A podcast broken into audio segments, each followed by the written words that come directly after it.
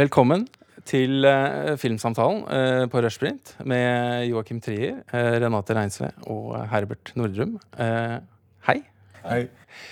Vi skal snakke ca. en halvtimes tid om denne filmen som nå har premiere i Norge. Den har vært i Cannes. Den var spilt inn i Oslo, denne byen, i fjor. Jeg var så heldig og, var, og kikket litt på noen av innspillingsdagene også. Så skal prøve å skrive en bok etter hvert om denne filmen. Men i dag skal vi snakke om eh, prosessen og, og filmen, og litt hvor dere er nå. Ta litt temperaturen, kanskje, hos regissør og skuespillere.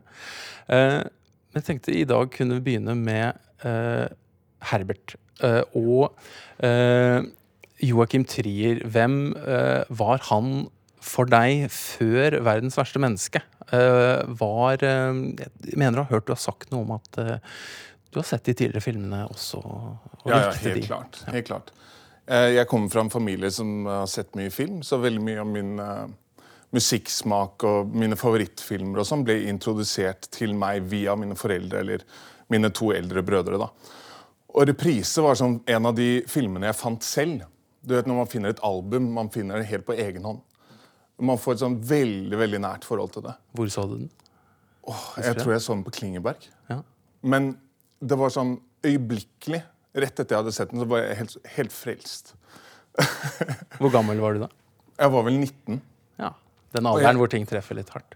Ja, det er det. det er det. Og jeg gikk rundt med sånn eh, Jeg begynte å gå med sånn eh, tynt eh, sort slips og skjorte. Og latet som om jeg hadde lest bøker som ble referert til i filmen. og Var liksom... Var du en av de som hadde lest Sten Egil Dahl, kanskje? Som nei, nei, nei. Men jeg på en måte ville veldig gjerne være det. Jeg ville veldig eh, gjerne være en del av denne gjengen her. Eh, Så den uh, traff meg veldig uh, sterkt. Og jeg har som, på en sånn kultisjaktig måte fulgt, uh, fulgt han siden.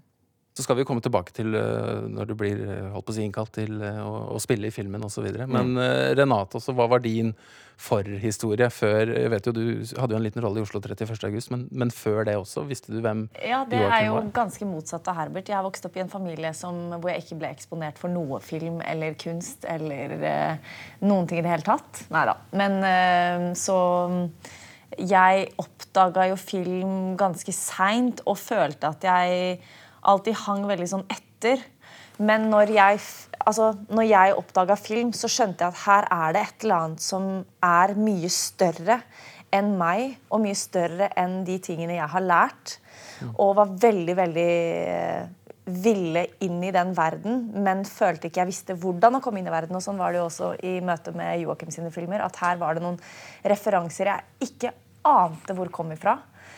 Og um, var veldig nysgjerrig og hadde enorm respekt. Og det var et sånn univers jeg tenkte jeg aldri kom til å være en del av. Eller eh, kunne ta del i. Fordi at det var så langt unna hvordan jeg har vokst opp, og, hvordan, eh, og mine egne referanser. da. Det er før Oslo 31. august. Så jeg husker at jeg ble Jeg fikk bare en sånn eh, Jeg hørte at alle var inne på self-tape, eller i i audition, til, for du er veldig grundig på casting, Joakim. Eh, og så ble jeg spurt veldig veldig seint, fordi ingen visste hvem jeg var. Jeg hadde akkurat begynt på teaterskolen. første klasse. Og så hadde jeg, var jeg sånn Å ja, jeg må jo gjøre det der. Eh, eh, hadde kommet hjem fra hytta. Eh, ante ikke hvordan jeg gjorde det. Jeg filma på um, min Mac. La det ut på YouTube for all offentlighet å se. Jeg har ikke klart å ta den bort, så den ligger fortsatt på YouTube. Bare søke. Ja, det er bare å søke. Eh, og der sier jeg noe sånn som Jeg har aldri sett den siden, for det var for flaut. Men jeg sier sånn Hallo, eh, jeg heter Renate Reinsve, jeg har kommet fra hytta. Nå eh, Ja, hva skal jeg si, da? Oi, der datt den ned, ja. Eh, det var en veldig sånn Veldig En vanlig jente fra Drammen tenker at hun aldri uansett har en sjanse på en rolle der. Jeg, jeg så aldri den. Det jeg så, var da Christian Rubek, som castet en strålende jobb på Oslo 31. august, hadde tatt deg inn Da er det bare å til en på audition. YouTube. Jøss. Ja, dette her er eh, Den kommer til å få en del hits nå, tror jeg. Ja, sikkert. Um, jo, og så ble jeg tatt inn på casting eh, og tenkte sånn, det er det flaueste jeg har gjort i hele mitt liv. Med Christian Rubek, som også var eh, jeg så veldig opp til. Og så plutselig Jo, så var jeg på casting med Anders og deg. Og Anders husker jeg sa sånn Hva er det du har på deg? Er det fra 1990, eller? Så jeg hadde på sånn grønn bukse. Men jeg hadde jo ikke noe stil. Jeg var jo Det var veldig fint. Jeg husker at du, hva du hadde på deg. Og det var fordi du hadde en grønn bukse og en blå trøye, tror jeg. Eh, Og en hatt. Brun hatt. nei, ja, nei, det Ja. husker ikke jeg. Den tok du av før jeg kom inn. Kanskje du møtte Nei, jeg, Anders. jeg møtte deg i gangen og hadde du sånn fin hatt. Det husker jeg. Det må ha vært ironisk. Jeg kan ikke ha Ja, sagt det. antageligvis. Men du trodde jeg var oppriktig? Nei, nei. Det er generasjonskløften mellom 90-tallsironikeren som jeg har prøvd å vokse av meg siden, og ja. det oppriktige unge mennesket. Ja, og så var jeg på audition og prøvde å skulle spille en sånn søt, flørtete jente som jeg absolutt ikke hadde tilgang på. Så jeg Jeg bare tulla og tøysa. Og så Men så ringte du noen dager etterpå og sa sånn Hei, jeg vil veldig gjerne at du spiller i filmen. Det husker jeg sto akkurat hvor jeg sto i Telthusbakken. Og skjønte absolutt ingenting. Hopp til ti år senere. Vi sitter på eh, Kulturhuset. Nei, hva heter det? Kunstnernes hus. Og, og du stiller meg spørsmålet vil du spille hovedrollen i filmen min. Skjønte ingenting. Jeg, jeg husker ikke engang reaksjonen min. Det var eh, Nei, altså, Jeg har bare hatt så sinnssyk respekt for Joakim, og nå kjenner jeg han veldig godt. Og har enda større respekt og har blitt veldig glad i Joakim. Men dere, Reise. som du sier eh, Takk, Renate. Vær så god. eh, Dere har jo da, som du sier Si litt om den teaterhøyskoletiden eh, hvor dere gikk samtidig. Var det sånn? Ja, så jeg kommer inn første året på Teaterhøgskolen. Og der er det jo ekstremt kule, flinke folk som går. Annet Herbert Nordrum. Jeg var veldig kul og flink på den tiden. Det stemmer. Sitat. Ja. Nei, men Vi gikk samtidig på Teaterhøgskolen. Ja. Og uh, altså, Renate er helt uh, fra dag én bare uh, helt eksepsjonelt god. Så man blir eh, revet med. Mm. Men jeg tror Altså, jeg vet ikke. Jeg har eh, alltid vært litt sånn sjenert og ikke vært så veldig sånn frampå, på en måte. Eller Hvordan da? Nei, sånn Jeg ble liksom aldri tatt inn på så mye casting og sånn. Mm. Mm, Men eh, Etter skolen? Ja. Men, men det har vært mye teater og sånn, da. Ja. Spilt mye teater. Du har kanskje gjort litt mer film etter Litt sånn TV og sånn. Mye Ja. TV. Litt mye serier. Nå sporer vi av, unnskyld. Nå sporer vi av. Unnskyld. Nei, dette er helt fint. Men eh, Joakim fortalte at eh, Eller du husker på en eh, samtale vi hadde på Vega tidligere i høst, eh, snakket om at du og Anders dro til Drammen og skøyt og sånne ting. Ja. Eh, Men hadde dere noen sånn bonding-ting, eller kjente dere hverandre godt nok fra før? Eller måtte dere også gjøre noe på oppdrag fra regissøren? Jeg følte vi kjente hverandre veldig Ja. godt fra før. Ja. Man gikk jo glassen klassen over. Ja. Og da gjør veldig... man jo ja, Henger sammen og Ja.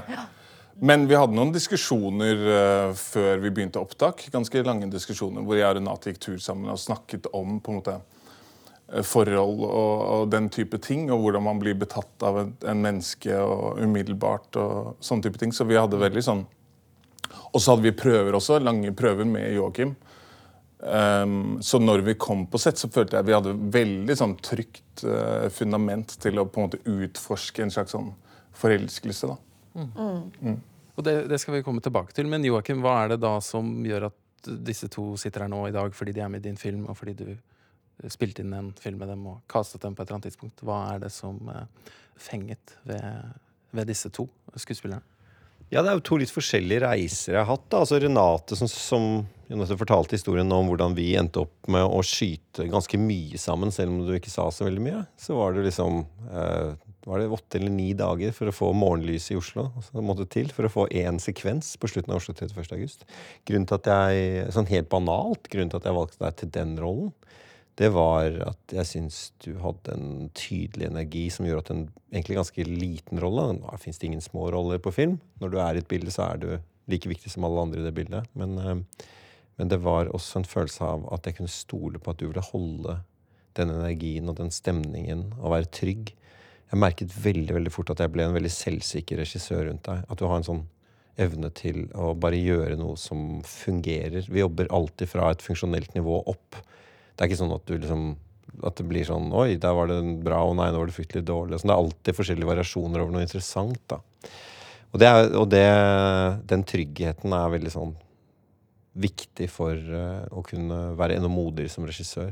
Så det merket jeg veldig allerede da, og det gjorde at jeg hadde veldig lyst til å jobbe med deg. Så ble vi jo venner da, på de ti årene og litt kjent og sånn. Så av en eller annen grunn så endte vi noen ganger opp på, i noen sammenhenger på, jeg husker på sånn Hedda-prisen, hvor jeg skulle dele ut en pris, og du sikkert hadde vunnet Stemmer. som vanlig, eller et eller annet, og masse greier. Eh, hvor vi liksom ble stående i hjørnet og prate, og da snakket vi alltid veldig sånn oppriktig med hverandre om hvor vi var i livet, og hva vi gikk igjennom og sånn, og det tenker jeg den litt dypere samtalen som foregikk over flere år, gjorde også at jeg tror jeg hadde en peiling på hvordan du kunne være en karakter, da.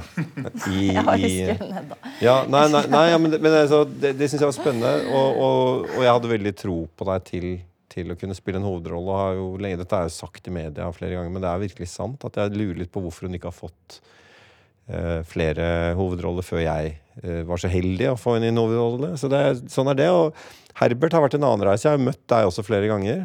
Og alltid syntes du var jævlig kul. Også sånn sosialt, egentlig. Bare sånn, Du er en utrolig varm og fin fyr. og i denne prosessen her så var det liksom noe med at eh, jeg skjønte nok ikke helt hvem Eivind var før jeg møtte deg. Jeg må bare innrømme det. Da har Eskil sagt veldig mye om. Jeg husker Da vi ble tatt ut til Cannes, så møttes vi og tok et glass champagne i all hemmelighet. Um, og da husker jeg at plutselig Eskil holdt en liten tale til deg. Husker du det? Ja, jeg husker det kjempegodt. Ja, det var veldig rørende. Eskil er en stor stor del av, av dette vi gjør sammen som gjeng, og, og er jo med på å forfatte grunnpremisset for alt, og, og lager jo manuset sammen med meg. Og, og han og jeg visste at Eivind var en eh, Det var kanskje den av karakterene som var minst detaljert, og trengte mest fargelegging. Og det på en eller annen måte klarte du å gi Uh, i de castingrundene vi møtte, så var det veldig tydelig. da. Og så castet vi en relasjon. Jeg syns dere to har en veldig sånn fin arbeidsdynamikk. Og det, det jeg merker veldig godt med dere, er at dere er skikkelig skikkelig morsomme sammen. Det, det, det er vanskelig å ikke le når man er med dere to, og, og filmen er jo også veldig en komedie, tross alt. Så det lærte jeg mye av. Så det, det er, Jeg kunne sikkert fortsatt i timevis og snakket om dere to, men, men der har vi noe, i hvert fall. Ja, jeg tenker jo det er en fin overgang inn i, inn i selve filmen. Noen som hører på nå, har jo sikkert eh, sett filmen, eh, håper jeg. Eh, dere som ikke har gjort det, må gå og se den. Det er jo en fantastisk bra film. Eh, men vi kan snakke om noe av det som skjer litt tidlig. Det er første gangen dere møtes karakterene. Jeg tenker Det kan være en scene vi kan dykke litt ned i. Gjerne eh, prøve å tenke litt på noe av det dere uh, gjorde på settet de dagene den ble spilt inn. Hva er det som gjorde at det ble såpass bra? Jeg husker Joakim en av disse dagene var en tur ut på Jar, uh, og du så på farger og lys og sånt. Og husker du beskrev det som perfekt skuespill, var ordene du brukte når du så på bildene av disse to. i den scenen. Ja, men altså Jeg har jo også gjort en reise estetisk i hva jeg holder på med som regissør. Og det jeg har mest kick på for tiden, er sånn levende, spontane og spesifikke øyeblikk med menneskelige ting. da Sånne hendelser som vi snakker om ofte. Snakker om at det skal skje noe. Det må skje noe. Det bør ikke være noe Det, det, det ligger innenfor rammen av hva scenen skal, men det skal være en opplevelse at Oi, der, der, der skjedde noe med en av skuespillerne, eller gjerne begge. Og, og i den eh, scenen som ligger forholdsvis tidlig i filmen, som er i godt eller sånn klassisk Hollywood-dramaturgispråk en meet cute. Det vil si, du skal gjøre den vanskelige øvelsen som mange filmer har gjort før oss, av at to karakterer skal møtes for første gang og bli forelsket i hverandre. Og det er på en måte en slags sånn Hva skal vi si? Det er en sånn kunstnerisk øvelse som har vært gjort mange ganger, og noen får det til, andre ikke. Og jeg er veldig stolt av vår versjon av det. Og det, det handler nettopp om det, det um, At dere mister dere selv utrolig mye i de øyeblikkene, og dere turte å improvisere løst rundt en gitt plan, som jo er den måten vi liker å jobbe på. Det er ikke noe fri improvisasjon, stort sett. Det, det kan skje noen steder, men det er liksom det der at vi virkelig går dypt i scenen og jobber med den, og jobber med den, og så kommer det nye ideer. Her, vent litt, hva hvis vi går dit og går dit, osv. Og, og det er flere ting der. Jeg har ikke lyst til å si for mye, for folk har ikke sett den, men det er jo noen øyeblikk i den scenen der som er sånn dere som tar scenen videre enn hvor vi har skrevet den. da. Så jeg, jeg syns det var skikkelig gøy. Ja, Hvordan er det dere da angriper en sånn scene? Jeg tenker, jeg kan beskrive litt av hvordan jeg opplever det, som har sett på den en del ganger, og føler at det er mye som skjer med, med kroppene deres og gester, og hvordan de står, både i store bilder og mindre bilder. Eh, om det kan være at uh, du, Herbert, eh, bøyer hodet, og Renate, Julie, eh, karakteren legger hånden på hodet, de, eh, eller at du sitter og klør deg litt i en seng. Det er senere forresten i Ja, den, kløbevegelsen her. Nå viser Herbert hvordan det er. Det, det har jeg tatt meg selv i å tenke på, den scenen, og jeg har klødd meg selv etterpå. Så det er en veldig sånn sanselig film, eh, 'Verdens verste menneske', som har mange av disse eh, øyeblikkene der. Men når dere er i det, og dere er på sett, og det er sju-åtte tagninger kanskje av det samme, hva, hva er det dere eh, tenker på, eller hvordan er det dere har eh, fått frem noen av disse tingene? Kan det være et sånt øyeblikk dere kan huske? Den, eh, vi, det var sånn nattopptak en hel uke. Den, den, den sekvensen du snakker om, det bryllupet. Og vi Sette premisset for de som ikke har sett filmen. Ja. Hold tanken, Ja. Så premisset er at Julie eh, går inn på et bryllup på etterfesten. Og hun kjenner ingen, men hun bare sniker seg inn. Fordi det er, det er så mange der at det er ingen som vil kaste henne ut, antageligvis. Så hun begynner å drikke. Så møter hun da Herberts karakter Eivind. Og så innser de veldig fort at de liker hverandre. Og de er litt fulle, og de tør å si det til hverandre. Men begge er enige om at de vil ikke være utro. For begge har kjærester. Og så begynner de å teste grensene. For, men hva er det som er lov, da? Selv om, og som ikke er utroskap. Hva kan vi finne på? Og så begynner de da å gjøre rare ting med hverandre. Som da ikke egentlig i utgangspunktet skal ha noe seksuell dimensjon. Men så er spørsmålet om de kanskje har det allikevel. Herbert. det at det var et slags sånn, det at det var nattopptak, det at man på en måte døgnet hver natt i en uke, gjorde at man kom inn I hvert fall føltes, det sånn for meg. At man kom inn i en slags sånn derre Du vet de der gode nachspielene som, man, som man eh, romantiserer nå når man har blitt litt eldre. At det, at det er sånn derre at uh, nachspielet er bedre enn festen. Du går ut for å ende opp på nachspiel, ikke sant?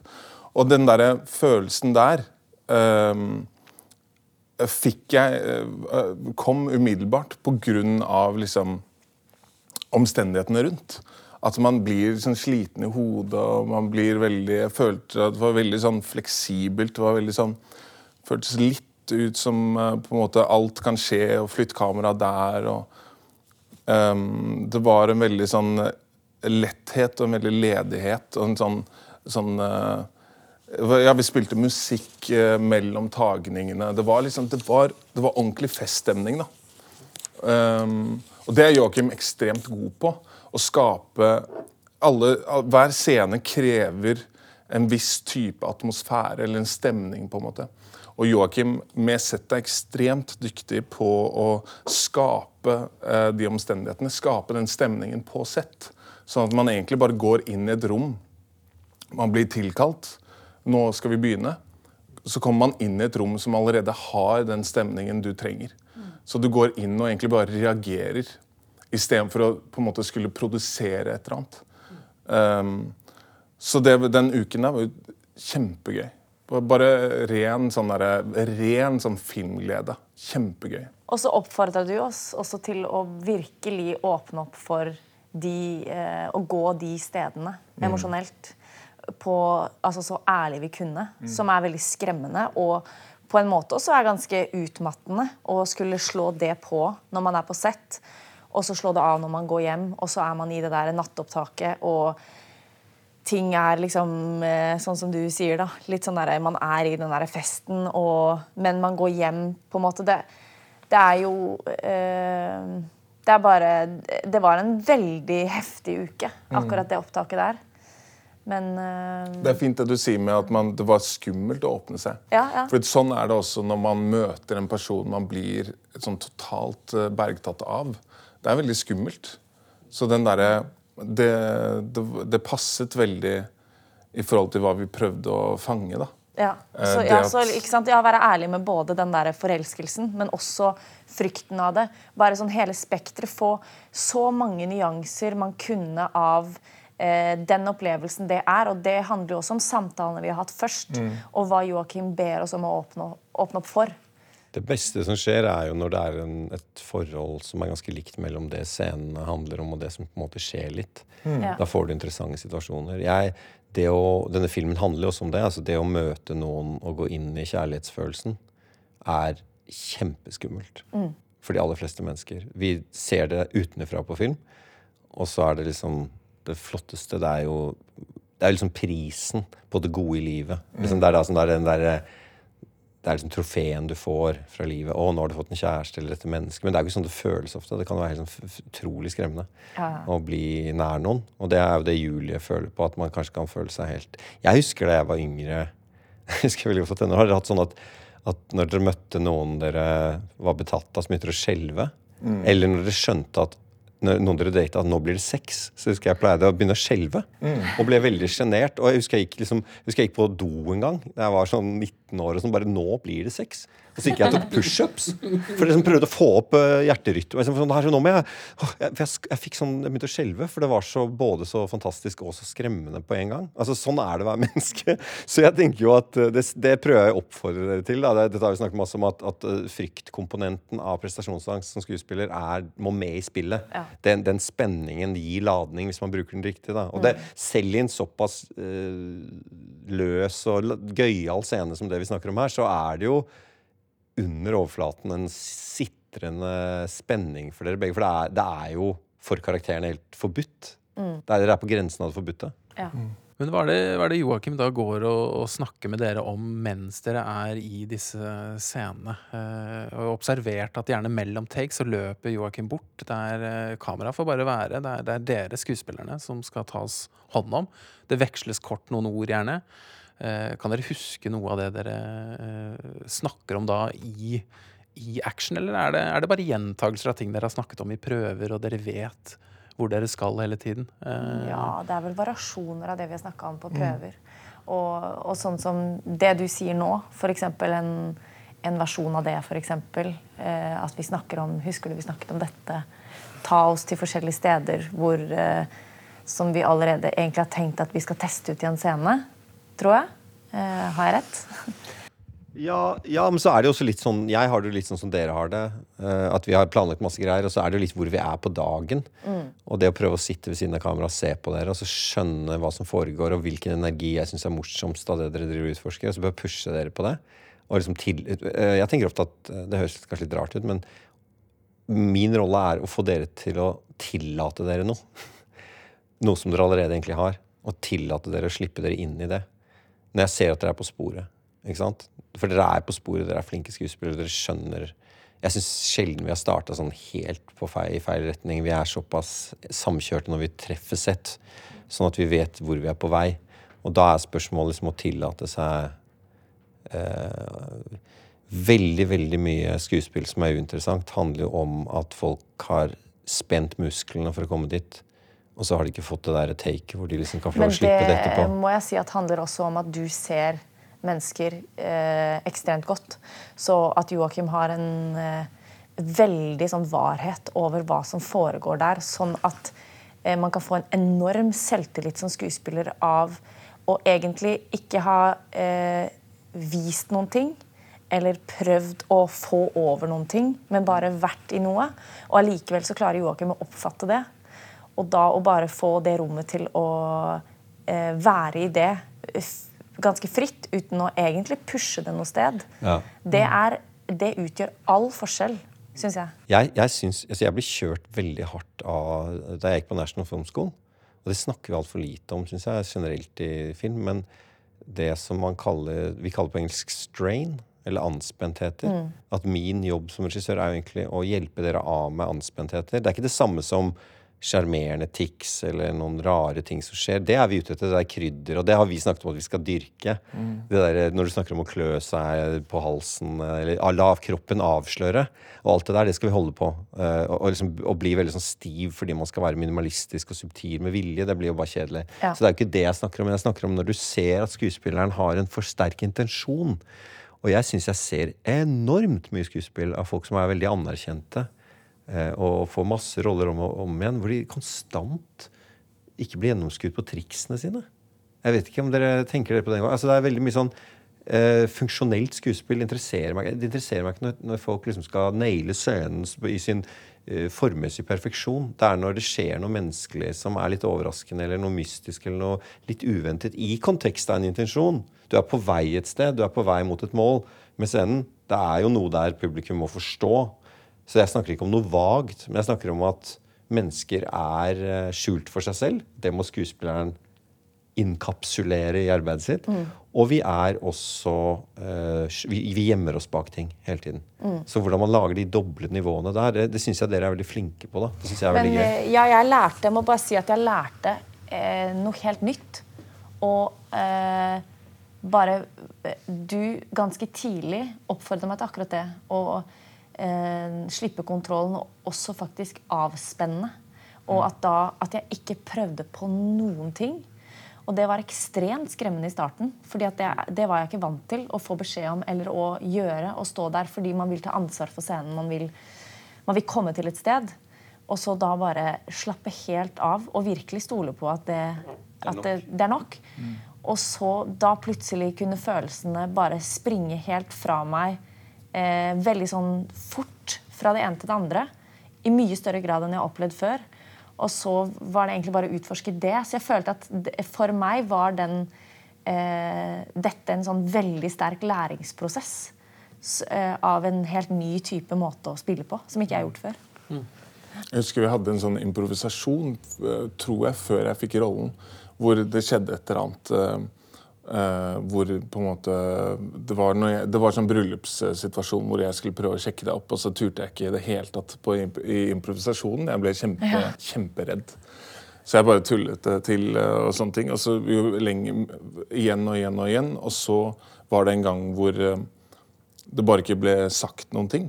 Og så husker jeg at vi stoppet, og så spurte Joakim, satte seg ned og spurte hva, hva skjedde nå. Og det var et eller annet med å bli føle at situasjonen og det vi prøver på, uh, blir, tatt på så, blir tatt på alvor. Som var sånn dette har, dette har, ikke jeg opplevd før, på et vis. Og, og at, at, man er så um, taktil liksom, i det. Det var utrolig fint. Ja, men så hyggelig. Altså, vet du hva? Men Det syns jeg er et veldig viktig spørsmål. Det har jeg spurt dere flere ganger, spesielt i prøveperioden. Hva skjedde nå? For nå skjedde det noe interessant. Og det er mm. min måte å, å lære hva, hvordan opplevde dere det? Og Det er også en måte å avsløre, og det mener jeg ikke som noen kritikk av noen. Mm. Uh, som hvis det er noen skuespillere som hører på dette her. Men, men hvor selvbevisst er skuespilleren? Fordi jeg, jeg har jobbet med veldig gode skuespillere som er veldig analytiske. Og som nesten vil ha det litt sånn som en jazztrommis som skal trene og trene, trene, og så, så kommer grooven allikevel når de først skal spille det live. Så, så, det er ikke noe farlig å liksom ha en forståelse av teknikkene. Men så er det også noen jeg merker som ikke skjønner hva det er som skjer når det skjer. Og det kan også være noen av verdens beste skuespillere. Mm. Og det er litt viktig for meg å avmåle, fordi jeg må snakke forskjellig til forskjellige folk. Dere, er, dere mm. trenger helt forskjellige ting. Mm. Og det, det, må jeg, det, må jeg, finne ut av før vi kommer på sett. sånn at når det er pressure på, og det går fort, så må jeg forhåpentligvis vite litt om hva det er dere trenger som individer. Mm. Ikke sant? Ehm, det, det, er grunnen til at det er viktig å spørre hva skjedde der. Mm, mm. Og det er jo eh, det er kanskje en liten eh, sånn mystisk eh, replikk som leveres inn i øret til uh, Julies karakter på et eller annet tidspunkt, som kanskje det, dere vil beholde mystisk også. Men ja. du sier noe som Ja, det er hemmelig. Det er ingen jeg som tror, vet. Joakim ja. vet ikke. Nei, Nei det, Min oppgave var på en måte bare å gjøre um, Renate Reinsve flau, og meg selv på en måte utlevere meg selv. Ja. Så um, det, det, er hemmelig. Er ikke det litt gøy at det finnes hemmeligheter inni scener? Mm. Ikke liksom bare for å omgjøre noe hemmelig, men eh, at dere som skuespillere vil alltid ha et mysterium rundt karakteren deres som dere til en viss grad kanskje ikke engang deler med meg. på en eller annen måte Noe dere utforsker, da. Noe dere ikke helt vet Det er jo fantastisk også. Jeg husker at du, etter klippen var ferdig, så var det sånn Og jeg hadde sett filmen første gang. Da husker jeg at du spurte meg sånn eh, Hva er det du mener med det du sier? I den eh, scenen der. Og så tenkte jeg OK, det er bare Altså, det er så stort at du tar inn noe du ikke Du får en følelse, og du vet at det er noe der, og vi reagerer på det som blir sagt, men du har ikke oversikt, du har ikke kontroll over det som skjedde.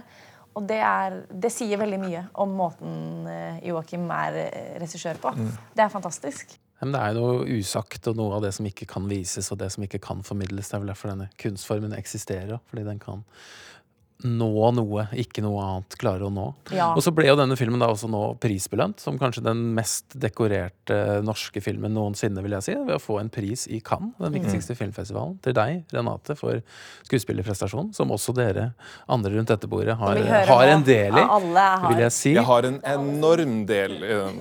Ja, men ja, selvfølgelig. selvfølgelig. Men eh, går det an å si nå noen få minutter før vi avrunder denne podkasten om hele dette virakket som vel har pågått siden da og etterpå. Spesielt kanskje for deg, Renate, som har reist litt verden rundt. Og Ja, det er jo et, eh, akkurat det veldig virak, men jeg vil jo liksom samle det tilbake til sånn Det er denne prosessen, og det er eh, eh, denne rollen som er skrevet på denne måten, og hvordan Joakim er en regissør, og hvordan motspillerne Altså, det er Jeg føler prisen er alles. Den er ikke Det er Altså, det er bare urettferdig at det er jeg som da, men eh, Nei da. Nei, nei, det er ikke det. Men du vet at du er så god, Renate. Du er så sjenerøs. Men jeg mener, jeg mener det. Ja, ja da, det er, det er teamwork. Jeg skjønner. Og, jeg, ja, da, og det har du vært kjempeflink til å si. Jeg ser deg si i media gang på gang at du ikke takket noe. Jeg satt i den salen og følte at du takket meg og de andre og alle. Og jeg syns det, var- det var helt topp. Jeg var dritrørt og syntes det var velfortjent. Og det er topp. Du bærer denne filmen som hovedperson, og de andre skuespillerne er dritbra, de òg. Det, det er ikke noen motsetning. Og priser, la oss være ærlige, de er utrolig hyggelige å få på veien, og de skaper oppmerksomhet og sånn. Og vi vet at vi ikke driver med sport, vi driver med kunst. Ja. Og de menneskene som ser det og blir rørt, det det er jo der den egentlige prisen kommer i siste instans. Og det sier jeg ikke bare for å være cheesy, men jeg tror det er det å få lov å bety noe i en kultur. Å få lov å bety noe for enkeltindivider. Det, det er det vi drømmer om. Og Ja. prisen kan skape flere folks øyne og blikk på filmen vår, og det er fantastisk. Det er helt fantastisk. Og, og jeg mener jo virkelig at du må ta det til deg og ikke skamme deg over Nei da. det er virkelig, virkelig velfortjent. Jeg Renate. er glad. Det skal også sies. Altså, jeg syns jo det er helt fantastisk, men det er en sånn komplisert prosess. Og så er det jo mye virak og mye sånne eh, turer og fashion og det der. Det er masse Det er bonus, men det handler om denne prosessen. Og verre skal det bli, kanskje. Det er jo nå Oscar-buss, og det er kanskje flere nominasjoner på gang. Jeg vet ikke, Hvis jeg skulle tippet, så hadde jeg tippet flere. Men vi får se. Det er jo uh, fantastisk at en sånn uh, en norsk, For norsk film også Nå vet jeg at eh, Joakim og, og Eskil også, dere har alltid hatt en sånn internasjonale ambisjoner jeg har aldri liksom tenkt at det er, det er først og fremst et sånn stempelet norsk film som har vært utgangspunktet. Men, men allikevel, så etter å ha fulgt øh, og skrevet om og jobbet med litt sånn på utsiden og innsiden av norsk film i mange år, så er jo dette kjempesvært. Og jeg vet ikke om folk helt forstår hvor, hvor stolte vi bør være, og hvor stolte vi egentlig er, uten å kanskje skjønne det. Men, eh, men sånn til slutt, hva er det eh, framover nå for eh, denne filmen for dere? Hva er det dere skal eh, Er det noen flere reiser på gang? Er det noen ting som skal gjøres med premierer her og der? Det store denne uken her er jo i morgen så åpner den i Frankrike. Vi har gjort alt presset ferdig, så nå er det bare å krysse fingrene. Den har, kommer opp på 150 kinosaler har en kjempekampanje bak seg. Har fått heldigvis bank i bordet gode anmeldelser over hele linja nå. De anmelder filmen på nytt etter Cannes, fordi alle innser at Cannes er litt sånn røft. Det var bra i Cannes, men det er enda bedre nå. Så distributøren vår tror på det. Og så har vi norsk premiere på fredag. Det blir veldig spennende. Vi er, lever i en vanskelig tid hvor eh, vi ikke vet om folk egentlig har begynt å gå nok på kino til at vi kan vurdere publikumstallene våre helt rettferdig. Vi ser jo filmer som sikkert hadde nådd i hvert fall det dobbelte, ikke klare det eh, gang på gang nå. Så vi har is i magen og tenker ja, ja. Vi er stolt av filmen vår. Men eh, ja, skal, den skal ut og reises med. Det er mange premierer som står for fore. Altså, den er jo solgt til hele verden, så vi må jo prioritere hva vi skal og ikke skal gjøre. Jeg fikk en mail i dag fra, eh, fra saksagenten vår om hvor mange digitale intervjuer er du villig til å gjøre? For det er jo uendelig med intervjuer. Altså sånn, eh, jeg har jo på alle de andre filmene mine også måttet snakke med journalister, så det er jo hyggelig. Tyrkia og Polen og Mexico har vi en fanbase, og det er jo utrolig gøy. Og nå reiser folk litt mindre, så det kan kanskje være greit å gjøre noe mer digitalt også. Så vi, vi har masse sånne greier. Siden vi snakker i faglig tidsskrift, tillater jeg meg å snakke om så kjedelige og tørre ting som det. Men det er jo hele dette Oscar-opplegget, da. Vi får se hva som skjer der. Um, først må jo den norske komiteen velge hvem de vil stille uh, opp som norsk Oscar-kandidat. Så får vi se hva som skjer etter det. Ja, Det ville jo kanskje vært rart å velge noen annen nå, hvis man skal komme med et lite innspill herfra. Uh, men da tror jeg vi eh, skal takke for samtalen nå. Eh, og så uh, håper jeg vi kan snakkes igjen en gang senere, til en senere podkast ved neste korsvei. Det kommer nok uh, nye filmer fra dere alle, og teateroppsetninger og sånne ting også. Så takk for nå, og ha det godt. Ha Ha det bra. godt.